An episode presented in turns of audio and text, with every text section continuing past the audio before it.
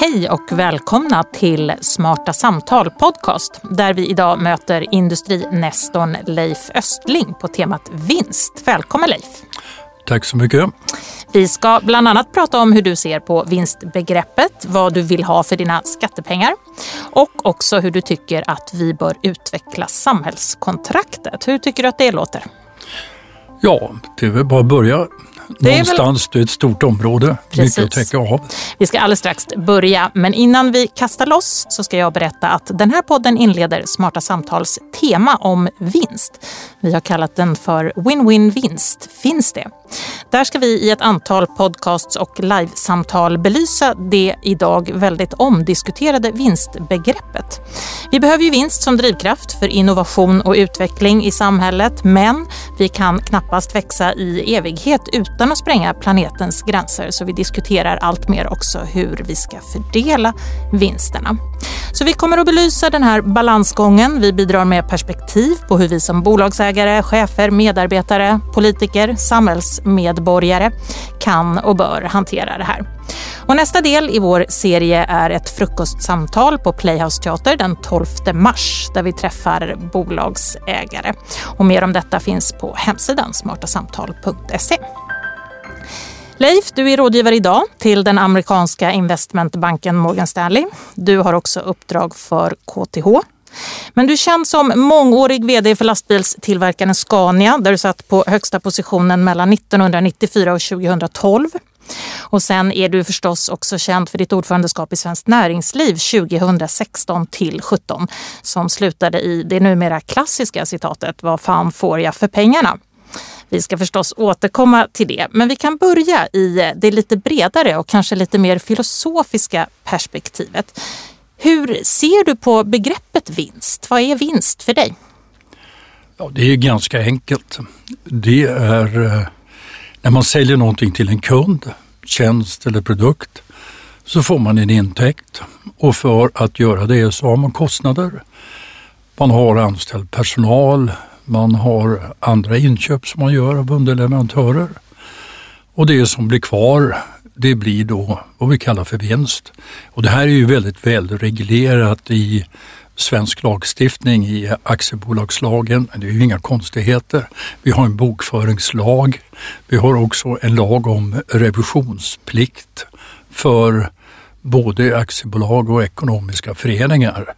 Och det här är ju för att få maximal transparens i vad man som företagare gör. Mm. Och vinst är inte annat än överskottet, det som man får under ett år. Det är intäkterna minus kostnaderna, ja, klassisk ekonomi. Nu pratar ju du som företagsledare, eh, kapitalist. När känner du att du har gjort en vinst som samhällsmedborgare? Är det annorlunda om du tar den hatten på dig? Jag skulle vilja säga att egentligen inte. Därför att med varje kund, och det ser jag från företagens sida, så har man alltid kontrakt. Man ska leverera någonting till kunden. Man ska hjälpa kunden. Och det är samma sak med samhällskontraktet. Vi betalar in en massa skatter i det här landet och samtidigt så vill vi få sjukvård, vi vill få utbildning, polisväsende och så vidare. Så vidare. Så egentligen är det ingen skillnad för mig. Du, företagen är ju samhällets eh, viktigaste välståndsbyggare får man säga. Företagen skapar jobb som då skapar skattebaser där finansministern kan ta in skatt som hon sedan fördelar ut till folket. Vad tycker du? Vilket ansvar bär företagen för samhällsutvecklingen och samhällsbygget? Ja, de har ju en väldigt stor betydelse för eh, samhällsbyggandet i det här landet. Och man kan ju säga att för varje anställd person i ett företag som en företagare då eh, stor eller liten tar ansvar för så får ju staten in väldigt mycket pengar. Eh, sociala avgifter, arbetsgivaravgifter, skatter och sådant. Det är ju 70-75 procent utav lönesumman som går in i skatter och avgifter till staten. Så det är klart det här är oerhört viktigt att vi har eh, ett bra klimat för alla företagsamma människor. För de tar ju ett väldigt stort ansvar för utvecklingen i landet. Företagen precis bygger ju välstånd på det sätt du, du beskriver. Hur tänker du på företagens eget ansvar för någonting som är bredare än det du beskriver som vinstbegreppet som ju är intäkter minus kostnader? Ja, eh, eh, de tar ju ett väldigt stort ansvar på det sättet att man har idéer. Man har idéer om hur man ska förse kunder av olika slag med bra produkter. Och sedan tillsammans med anställda i ett team så ska man då ta fram de här produkterna, man ska leverera produkterna till hög kvalitet. Och eh, det är ju ett väldigt stort ansvarstagande. Plus då med det överskott som man har i det här företaget att kunna använda det överskottet till att expandera företaget vidare. Betala också bankerna för eh, krediter och annat som man får. Så det är ett väldigt stort åtagande. Det är ett väldigt stort ekosystem det här i samhället. Så att företagens ansvar är i relation till kunderna att man levererar det man har lovat? Ja, visst är det. Mm. Det börjar alltid med kunden. Det är kunden som eh, genererar intäkten för företaget. Jag läste en artikel häromdagen i Svenska Dagbladet där Vivica Axson Jonsson som bland annat är ordförande i Nordstjärnan beskriver eh, näringslivets företagens uppgift som eh, att näringslivet ska inte belastas av andra krav än att se till aktieägarnas bästa. Fokus ska vara tillväxt och vinst. Och hon vänder sig emot det här att man ska betrakta privata företag som en förlängning av staten där avkastningen och aktieägarvärdet ska underordnas andra politiskt beslutade uppgifter. Det tycker hon är, är skadligt. Vad säger du om det? Ja, men eh, hon har helt rätt. Däremot så skulle jag vilja invända mot det här och säga att det börjar alltid med kunden. Vinsten börjar alltid med att kunden tycker det är bra varor och produkter och tjänster som kunden får. Det är där det börjar. Och eh, det får man aldrig glömma bort som företagare. Och de företagare som glömmer bort det, de finns inte så länge ute i företagsbranschen. Vinst behöver man ju inte bara räkna i pengar, det gör man ju ofta i eh, företagsvärlden och det har vi också pratat om. Vad finns det, tänker du, för andra valutor som man kan räkna vinst i? Ja, vi är ju väldigt monetärt drivna och eh, det är väl lite grann frågor om mätmetoder och att kunna mäta på ett objektivt sätt. Och jag tycker att eh, gamla professor Rosling med Factfulness har ju verkligen illustrerat hur mycket tyckande det finns. Och när man väl börjar mäta så faller mycket av tyckandet bort. Och eh, jag vet inte vad det finns för andra mätmetoder på välbefinnande i ett samhälle. Ja, det är kanske hur frisk man är, hur, hur glad man är, hur mm. mycket annan fritid man har. Eh, det får man väl också mäta. Men det börjar alltid med de ekonomiska talen. Till exempel bruttonationalprodukt. Vi har alltså per capita i Sverige fem gånger mer att röra oss med än vad en genomsnittsryss har. Mm. Och du kommer tillbaka till den här monetära mätningen av vinst och BNP som ju då är det normala måttet som vi använder för tillväxt. Vad finns det jag tänker så här att det som är en vinst för någon kan ju vara en förlust för en annan. Eller är det alltid så att det finns win-win vinst som vi var inne på tidigare? Jag skulle vilja säga i marknadsekonomi och det är ju som är styrkan i en marknadsekonomi så finns det nästan alltid bara en win-win. Men i de fall där en kund inte är nöjd med leveransen och ser på det som en förlust, då finns det ju en annan leverantör eller andra leverantörer utav de här produkterna och tjänsterna. Det är ju det som är en del utav konkurrenssystemet vi har. Att då kan den här kunden gå till en annan för en leverans. I en socialistisk, kommunistisk planekonomi, det finns ju ingen konkurrens överhuvudtaget. Men då, är du, då har du det här företagsledar och kundperspektivet. Jag tänker om man tänker på samhällelig nivå så tänker jag till exempel att man mäter BNP-tillväxten, eh, det samlade värdet av varor och tjänster. Men då kanske man inte räknar in miljöförstöring till exempel. Människors utbrändhet, sådana saker som inte är så lätta att mäta men som ändå kommer i efter i kölvattnet av tillväxt? Ja, det gör det. Men det är det märkliga med det här och jag har ju Svenskt Näringsliv tittat mycket på eh, den offentliga sektorns tjänstutövning. Titta på siffror från, från SKL och jämfört med privata tjänstutövare inom vård, sjukvård, skola.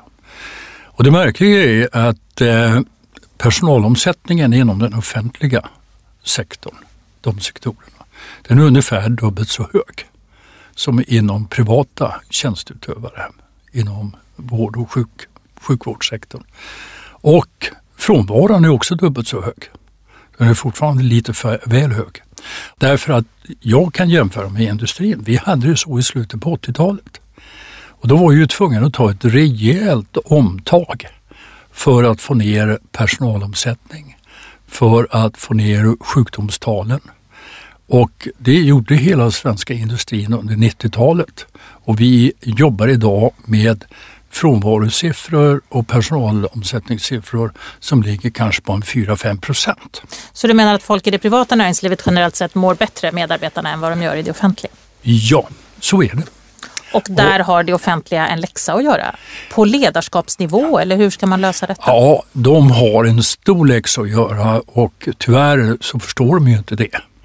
Insikten finns inte. Men om man tar bara sjukvården och jag skrev en artikel i Svenska Dagbladet tillsammans med Björn Rosengren, tidigare industriminister. Om man tittar på OECDs statistik så har vi ungefär samma täthet per tusen invånare av läkare och sjuksköterskor i Sverige som de flesta europeiska länder. Men det finns en stor skillnad och det är 2010 så hanterade en svensk läkare ungefär 1100 patienter. 2017 så hade det sjunkit till 650 patienter per år. Mm, nästan en halvering. Ja, men i Tyskland och i Schweiz så ligger de på 2200-2400 patienter. Tre gånger så mycket. Och vi har stora sjukdomstal inom den offentligt drivna vården här i Sverige. Och jag, vi, har, vi konstaterade här, vi har ett gigantiskt systemfel. Men det här förstår inte det offentliga sa du, vad menar du med det? Nej, de tar det inte till sig. De tror bara att bara vi ökar skatteuttaget och skickar in mer pengar i ett sjukt system, då blir det bättre. Men det blir inte bättre. Här behöver den offentliga sidan ta ett rejält omtag.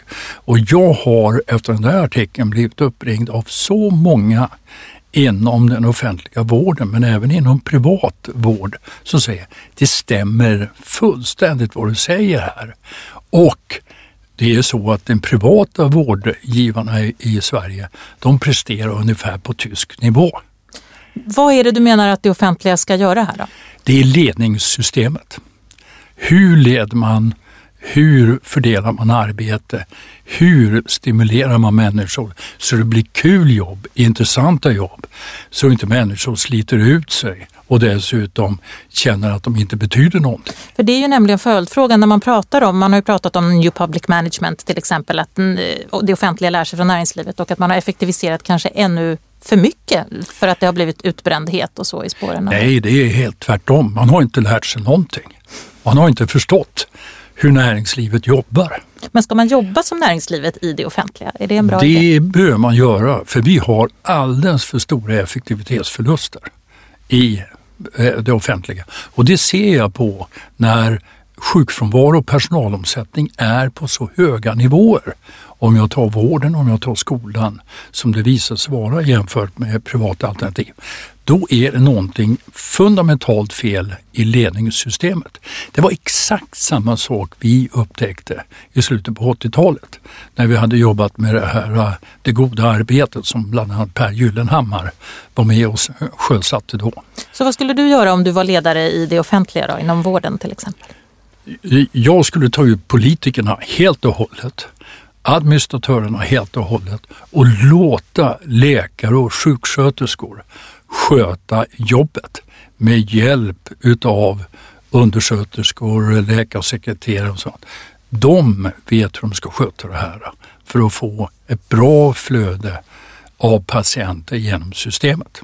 Så politikerna ska bort med tassarna? Ja, de fattar ingenting av det här.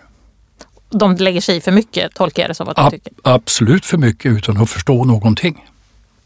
Du, eh, nu, nu kommer vi osökt in på ditt uttalande här. Du sa alltså så här, här betalar man in 20 till 30 biljoner om året och vad fan får jag för pengarna?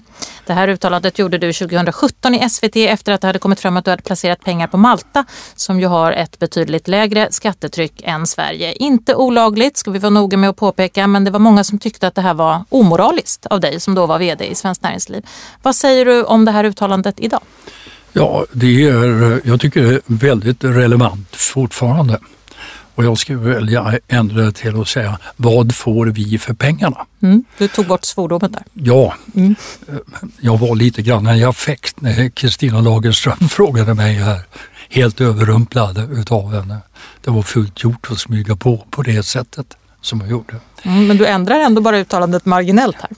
Ja, därför är det helt relevant. Det är mer aktuellt än någonsin. Och det här har ju att göra med samhällskontraktet. Hur kan våra politiker, stora flertalet, tro att vi bara kan öka skatterna och öka skatterna? Och människor säger, ja men det är bra. Och köerna blir längre och längre till sjukvården. Eh, skolresultaten har ju försämrats dramatiskt. Nu har vi stannat upp lite grann. Men våra PISA-mätningar, där ligger svenska elever på samma nivå som Vietnam. Och det är väl en prestation i sig för Vietnam att man har kommit upp på den nivån. Men vi ligger ju långt under grannlandet Finland till exempel. Mm.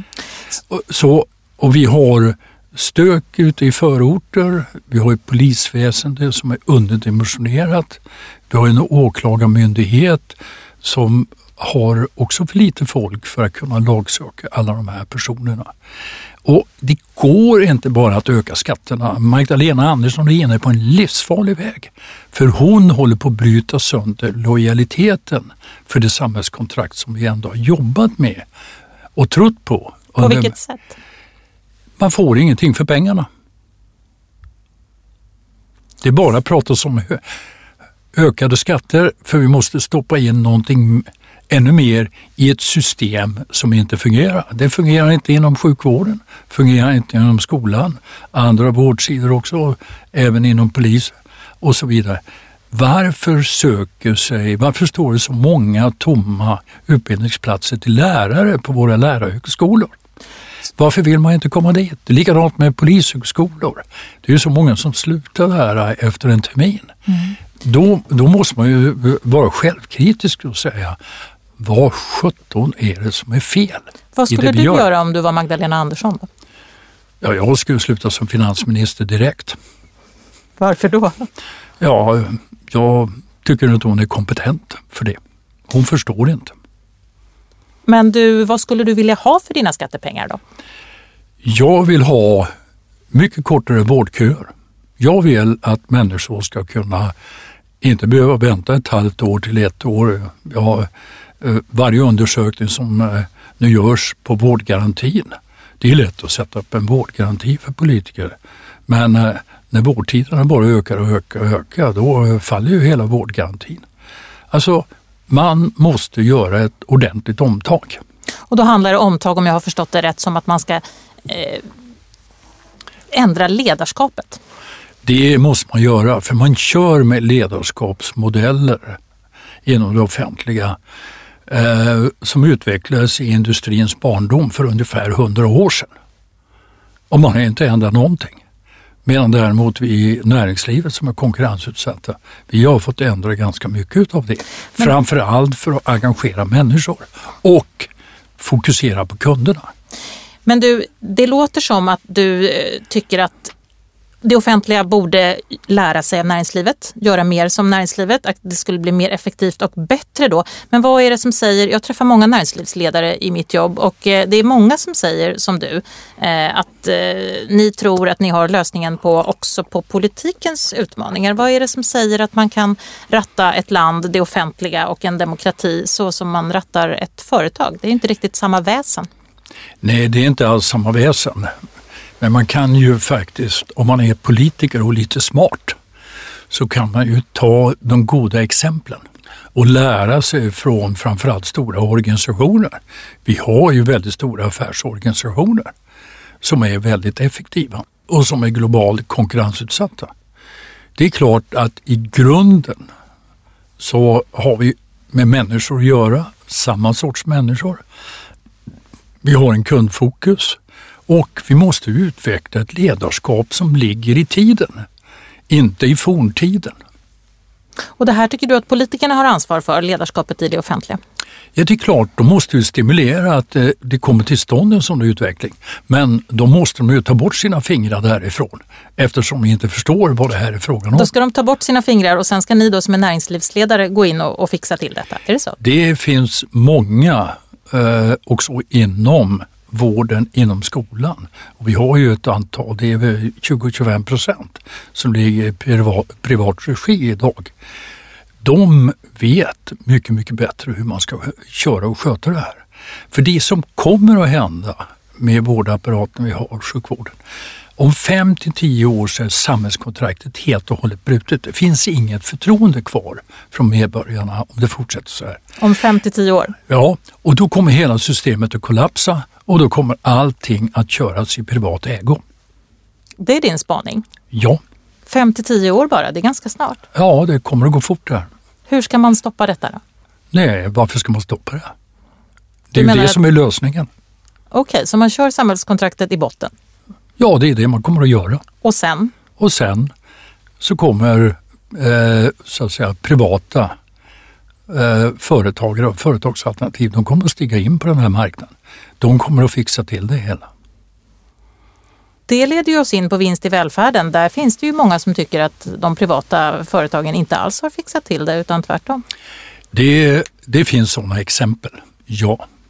Men det stora flertalet, jag skulle vilja säga 95 procent, sköter det här på ett alldeles utmärkt sätt.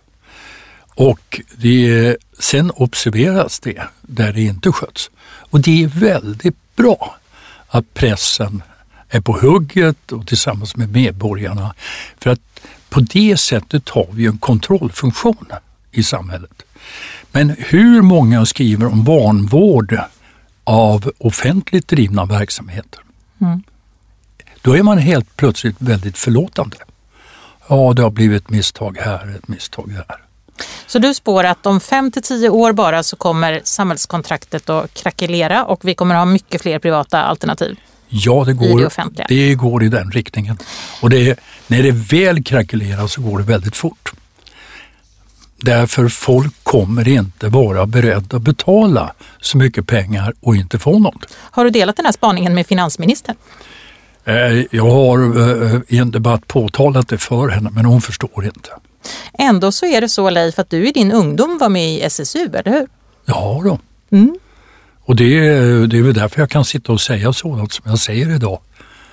Och eh, med också ett, ett politiskt hjärta. Men jag konstaterar bara att som det nu är och politiken är nu och jag jämför med hur jag växte upp. Jag växte upp i, i en rätt stor familj med stort politiskt engagemang och intresse. Och de politiska beslutsfattare som jag såg då när jag växte upp, de finns inte idag. Du saknar eh, den typen av politiker? Jag saknar beslutskraften och insikten om vad man måste göra och hur man måste gå fram. Nu har det blivit väldigt mycket bara politiskt käbbel. Förlåt att jag säger det. Var ska den typen av politiker komma ifrån då? Ja, det är det som är det stora problemet. Vi har tyvärr inte den politikerkader idag som vi då hade. Och det har väl också att göra med att politikeryrket är inte lika attraktivt nu som det var då. Hur ska man lösa det här? Som jag sa så träffar jag ju många näringslivsledare och några av dem är ju givetvis inne på att de ska starta ett eget parti. Ja, det kanske kommer egna partier. Eh, vi får väl se. Men det är klart att det kommer demokrati som vi har. Det är ju åsiktsfrihet. Det är ju en marknad av åsikter. Och det är klart att eh, det finns ju öppningar för nytt tänkande här. Det har vi ju redan fått in i ett parti som Sverigedemokraterna Jag delar inte alls deras uppfattning eh, när det gäller eh, hela den humanistiska sidan. Där. Men det är bara att konstatera att de har kommit in och de har gått fram väldigt starkt. Och det har naturligtvis att göra med att det finns ett vakuum som de har fyllt upp på den politiska marknaden som attraherar många människor. Mm, hur skulle du beskriva det vakuumet? Ja, i vakuumet är just brist på insikter om verkligheten och brist på beslut för att åtgärda eh, eh, alla problem vi har ute i våra, vissa av våra förorter. Eh, klart att invandringen har påverkat väldigt mycket här. Men också, jag är helt övertygad om att eh, långa vårdköer, att vårdapparaten inte fungerar, det är inte bara polisväsendet. Det påverkar också människor. Och då finns det, då säger man, ja, men de här kanske ändå kan göra någonting. Tycker du att Sverigedemokraterna visar en större insikt i de här problemen som du beskriver? Ja, i, jag tror inte att de visar en större insikt, men de framstår som, de är inte komprometterade av att de inte har gjort någonting. För de har aldrig fått göra någonting. Nej, och eh, de hålls ju fortfarande utanför de allra innersta ja, rummen. Mm. Ja, vilket jag tror är ganska olyckligt faktiskt.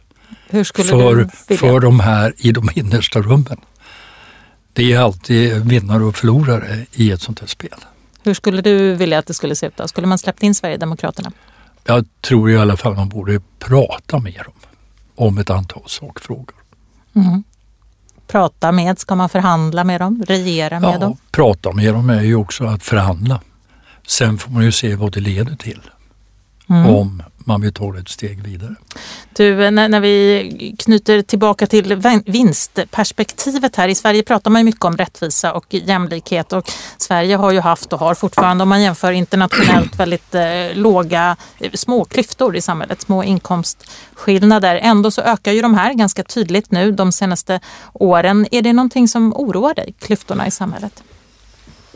Ja, det finns Både ja och nej. Jag tror att det, det, är bra att man verkligen uppmärksammar det här. Och det har man ju också börjat göra det i USA. Sanders är ute här och ska i hög ålder kanske försöka bli mm, president. Bernie Sanders, ja. Han ska ja. försöka bli president, det såg vi häromdagen. Och jag tror det är väldigt, väldigt viktigt att man observerar de här stora samhällsklyftorna som finns. Mycket mycket av det här har ju egentligen att göra med, jag är ju uppvuxen i en industriell värld. Nu har vi ju kommit in i en finansiell värld och eh, mycket av det här har att göra med eh, riksbanker runt om i världen som har skjutit ut så otroligt mycket pengar i eh, den finansiella delen utav världen. Vi har ju dessutom alla, lön, eh, inte löntagarfonder, men alla Eh, pensionsfonder av olika slag. Det finns ju ett otroligt institutionellt kapital. Och det är klart det här ska placeras och jag eh, har alltid varit ganska betänksam till eh, de här som bara är inne i den finansiella branschen som tjänar väldigt mycket pengar på, tycker jag, göra väldigt lite. Egentligen bara skyffla pengar eh, från det ena aktieslaget till det andra och eh, ligger och lever på vad min svåger utvecklar i ett system för de här.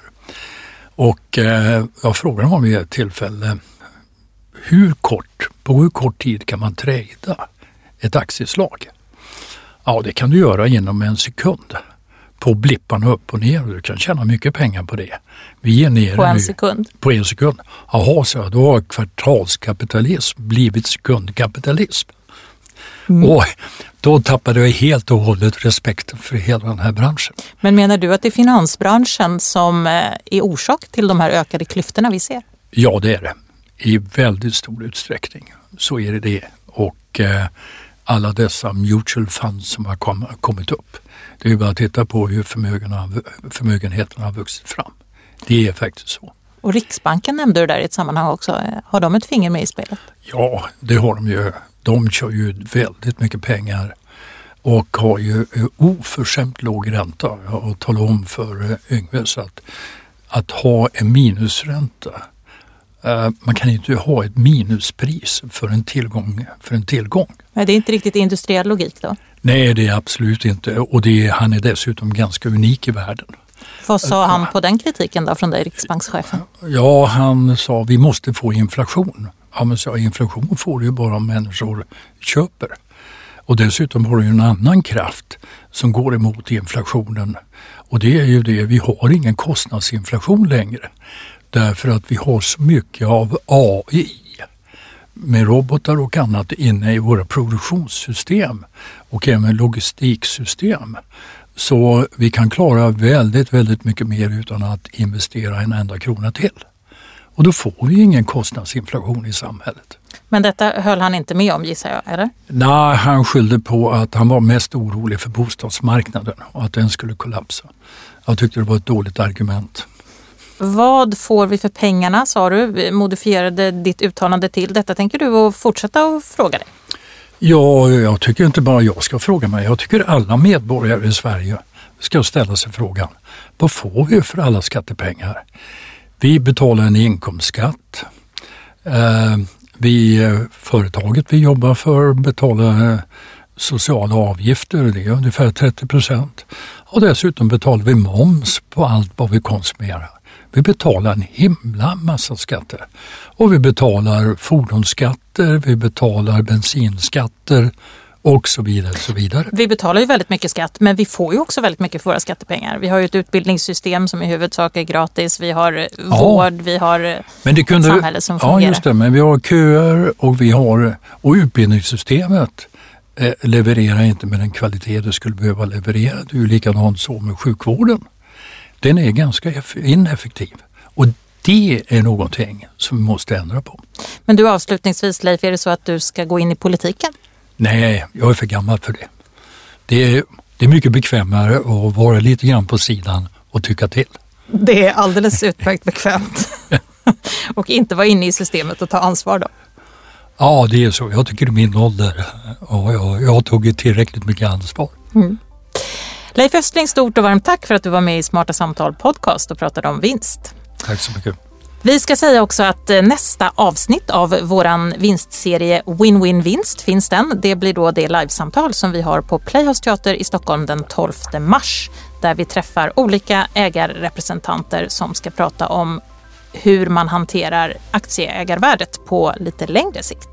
Så välkomna på det. Titta mer på det på smartasamtal.se och stort och varmt tack för att ni har varit med oss idag och lyssnat.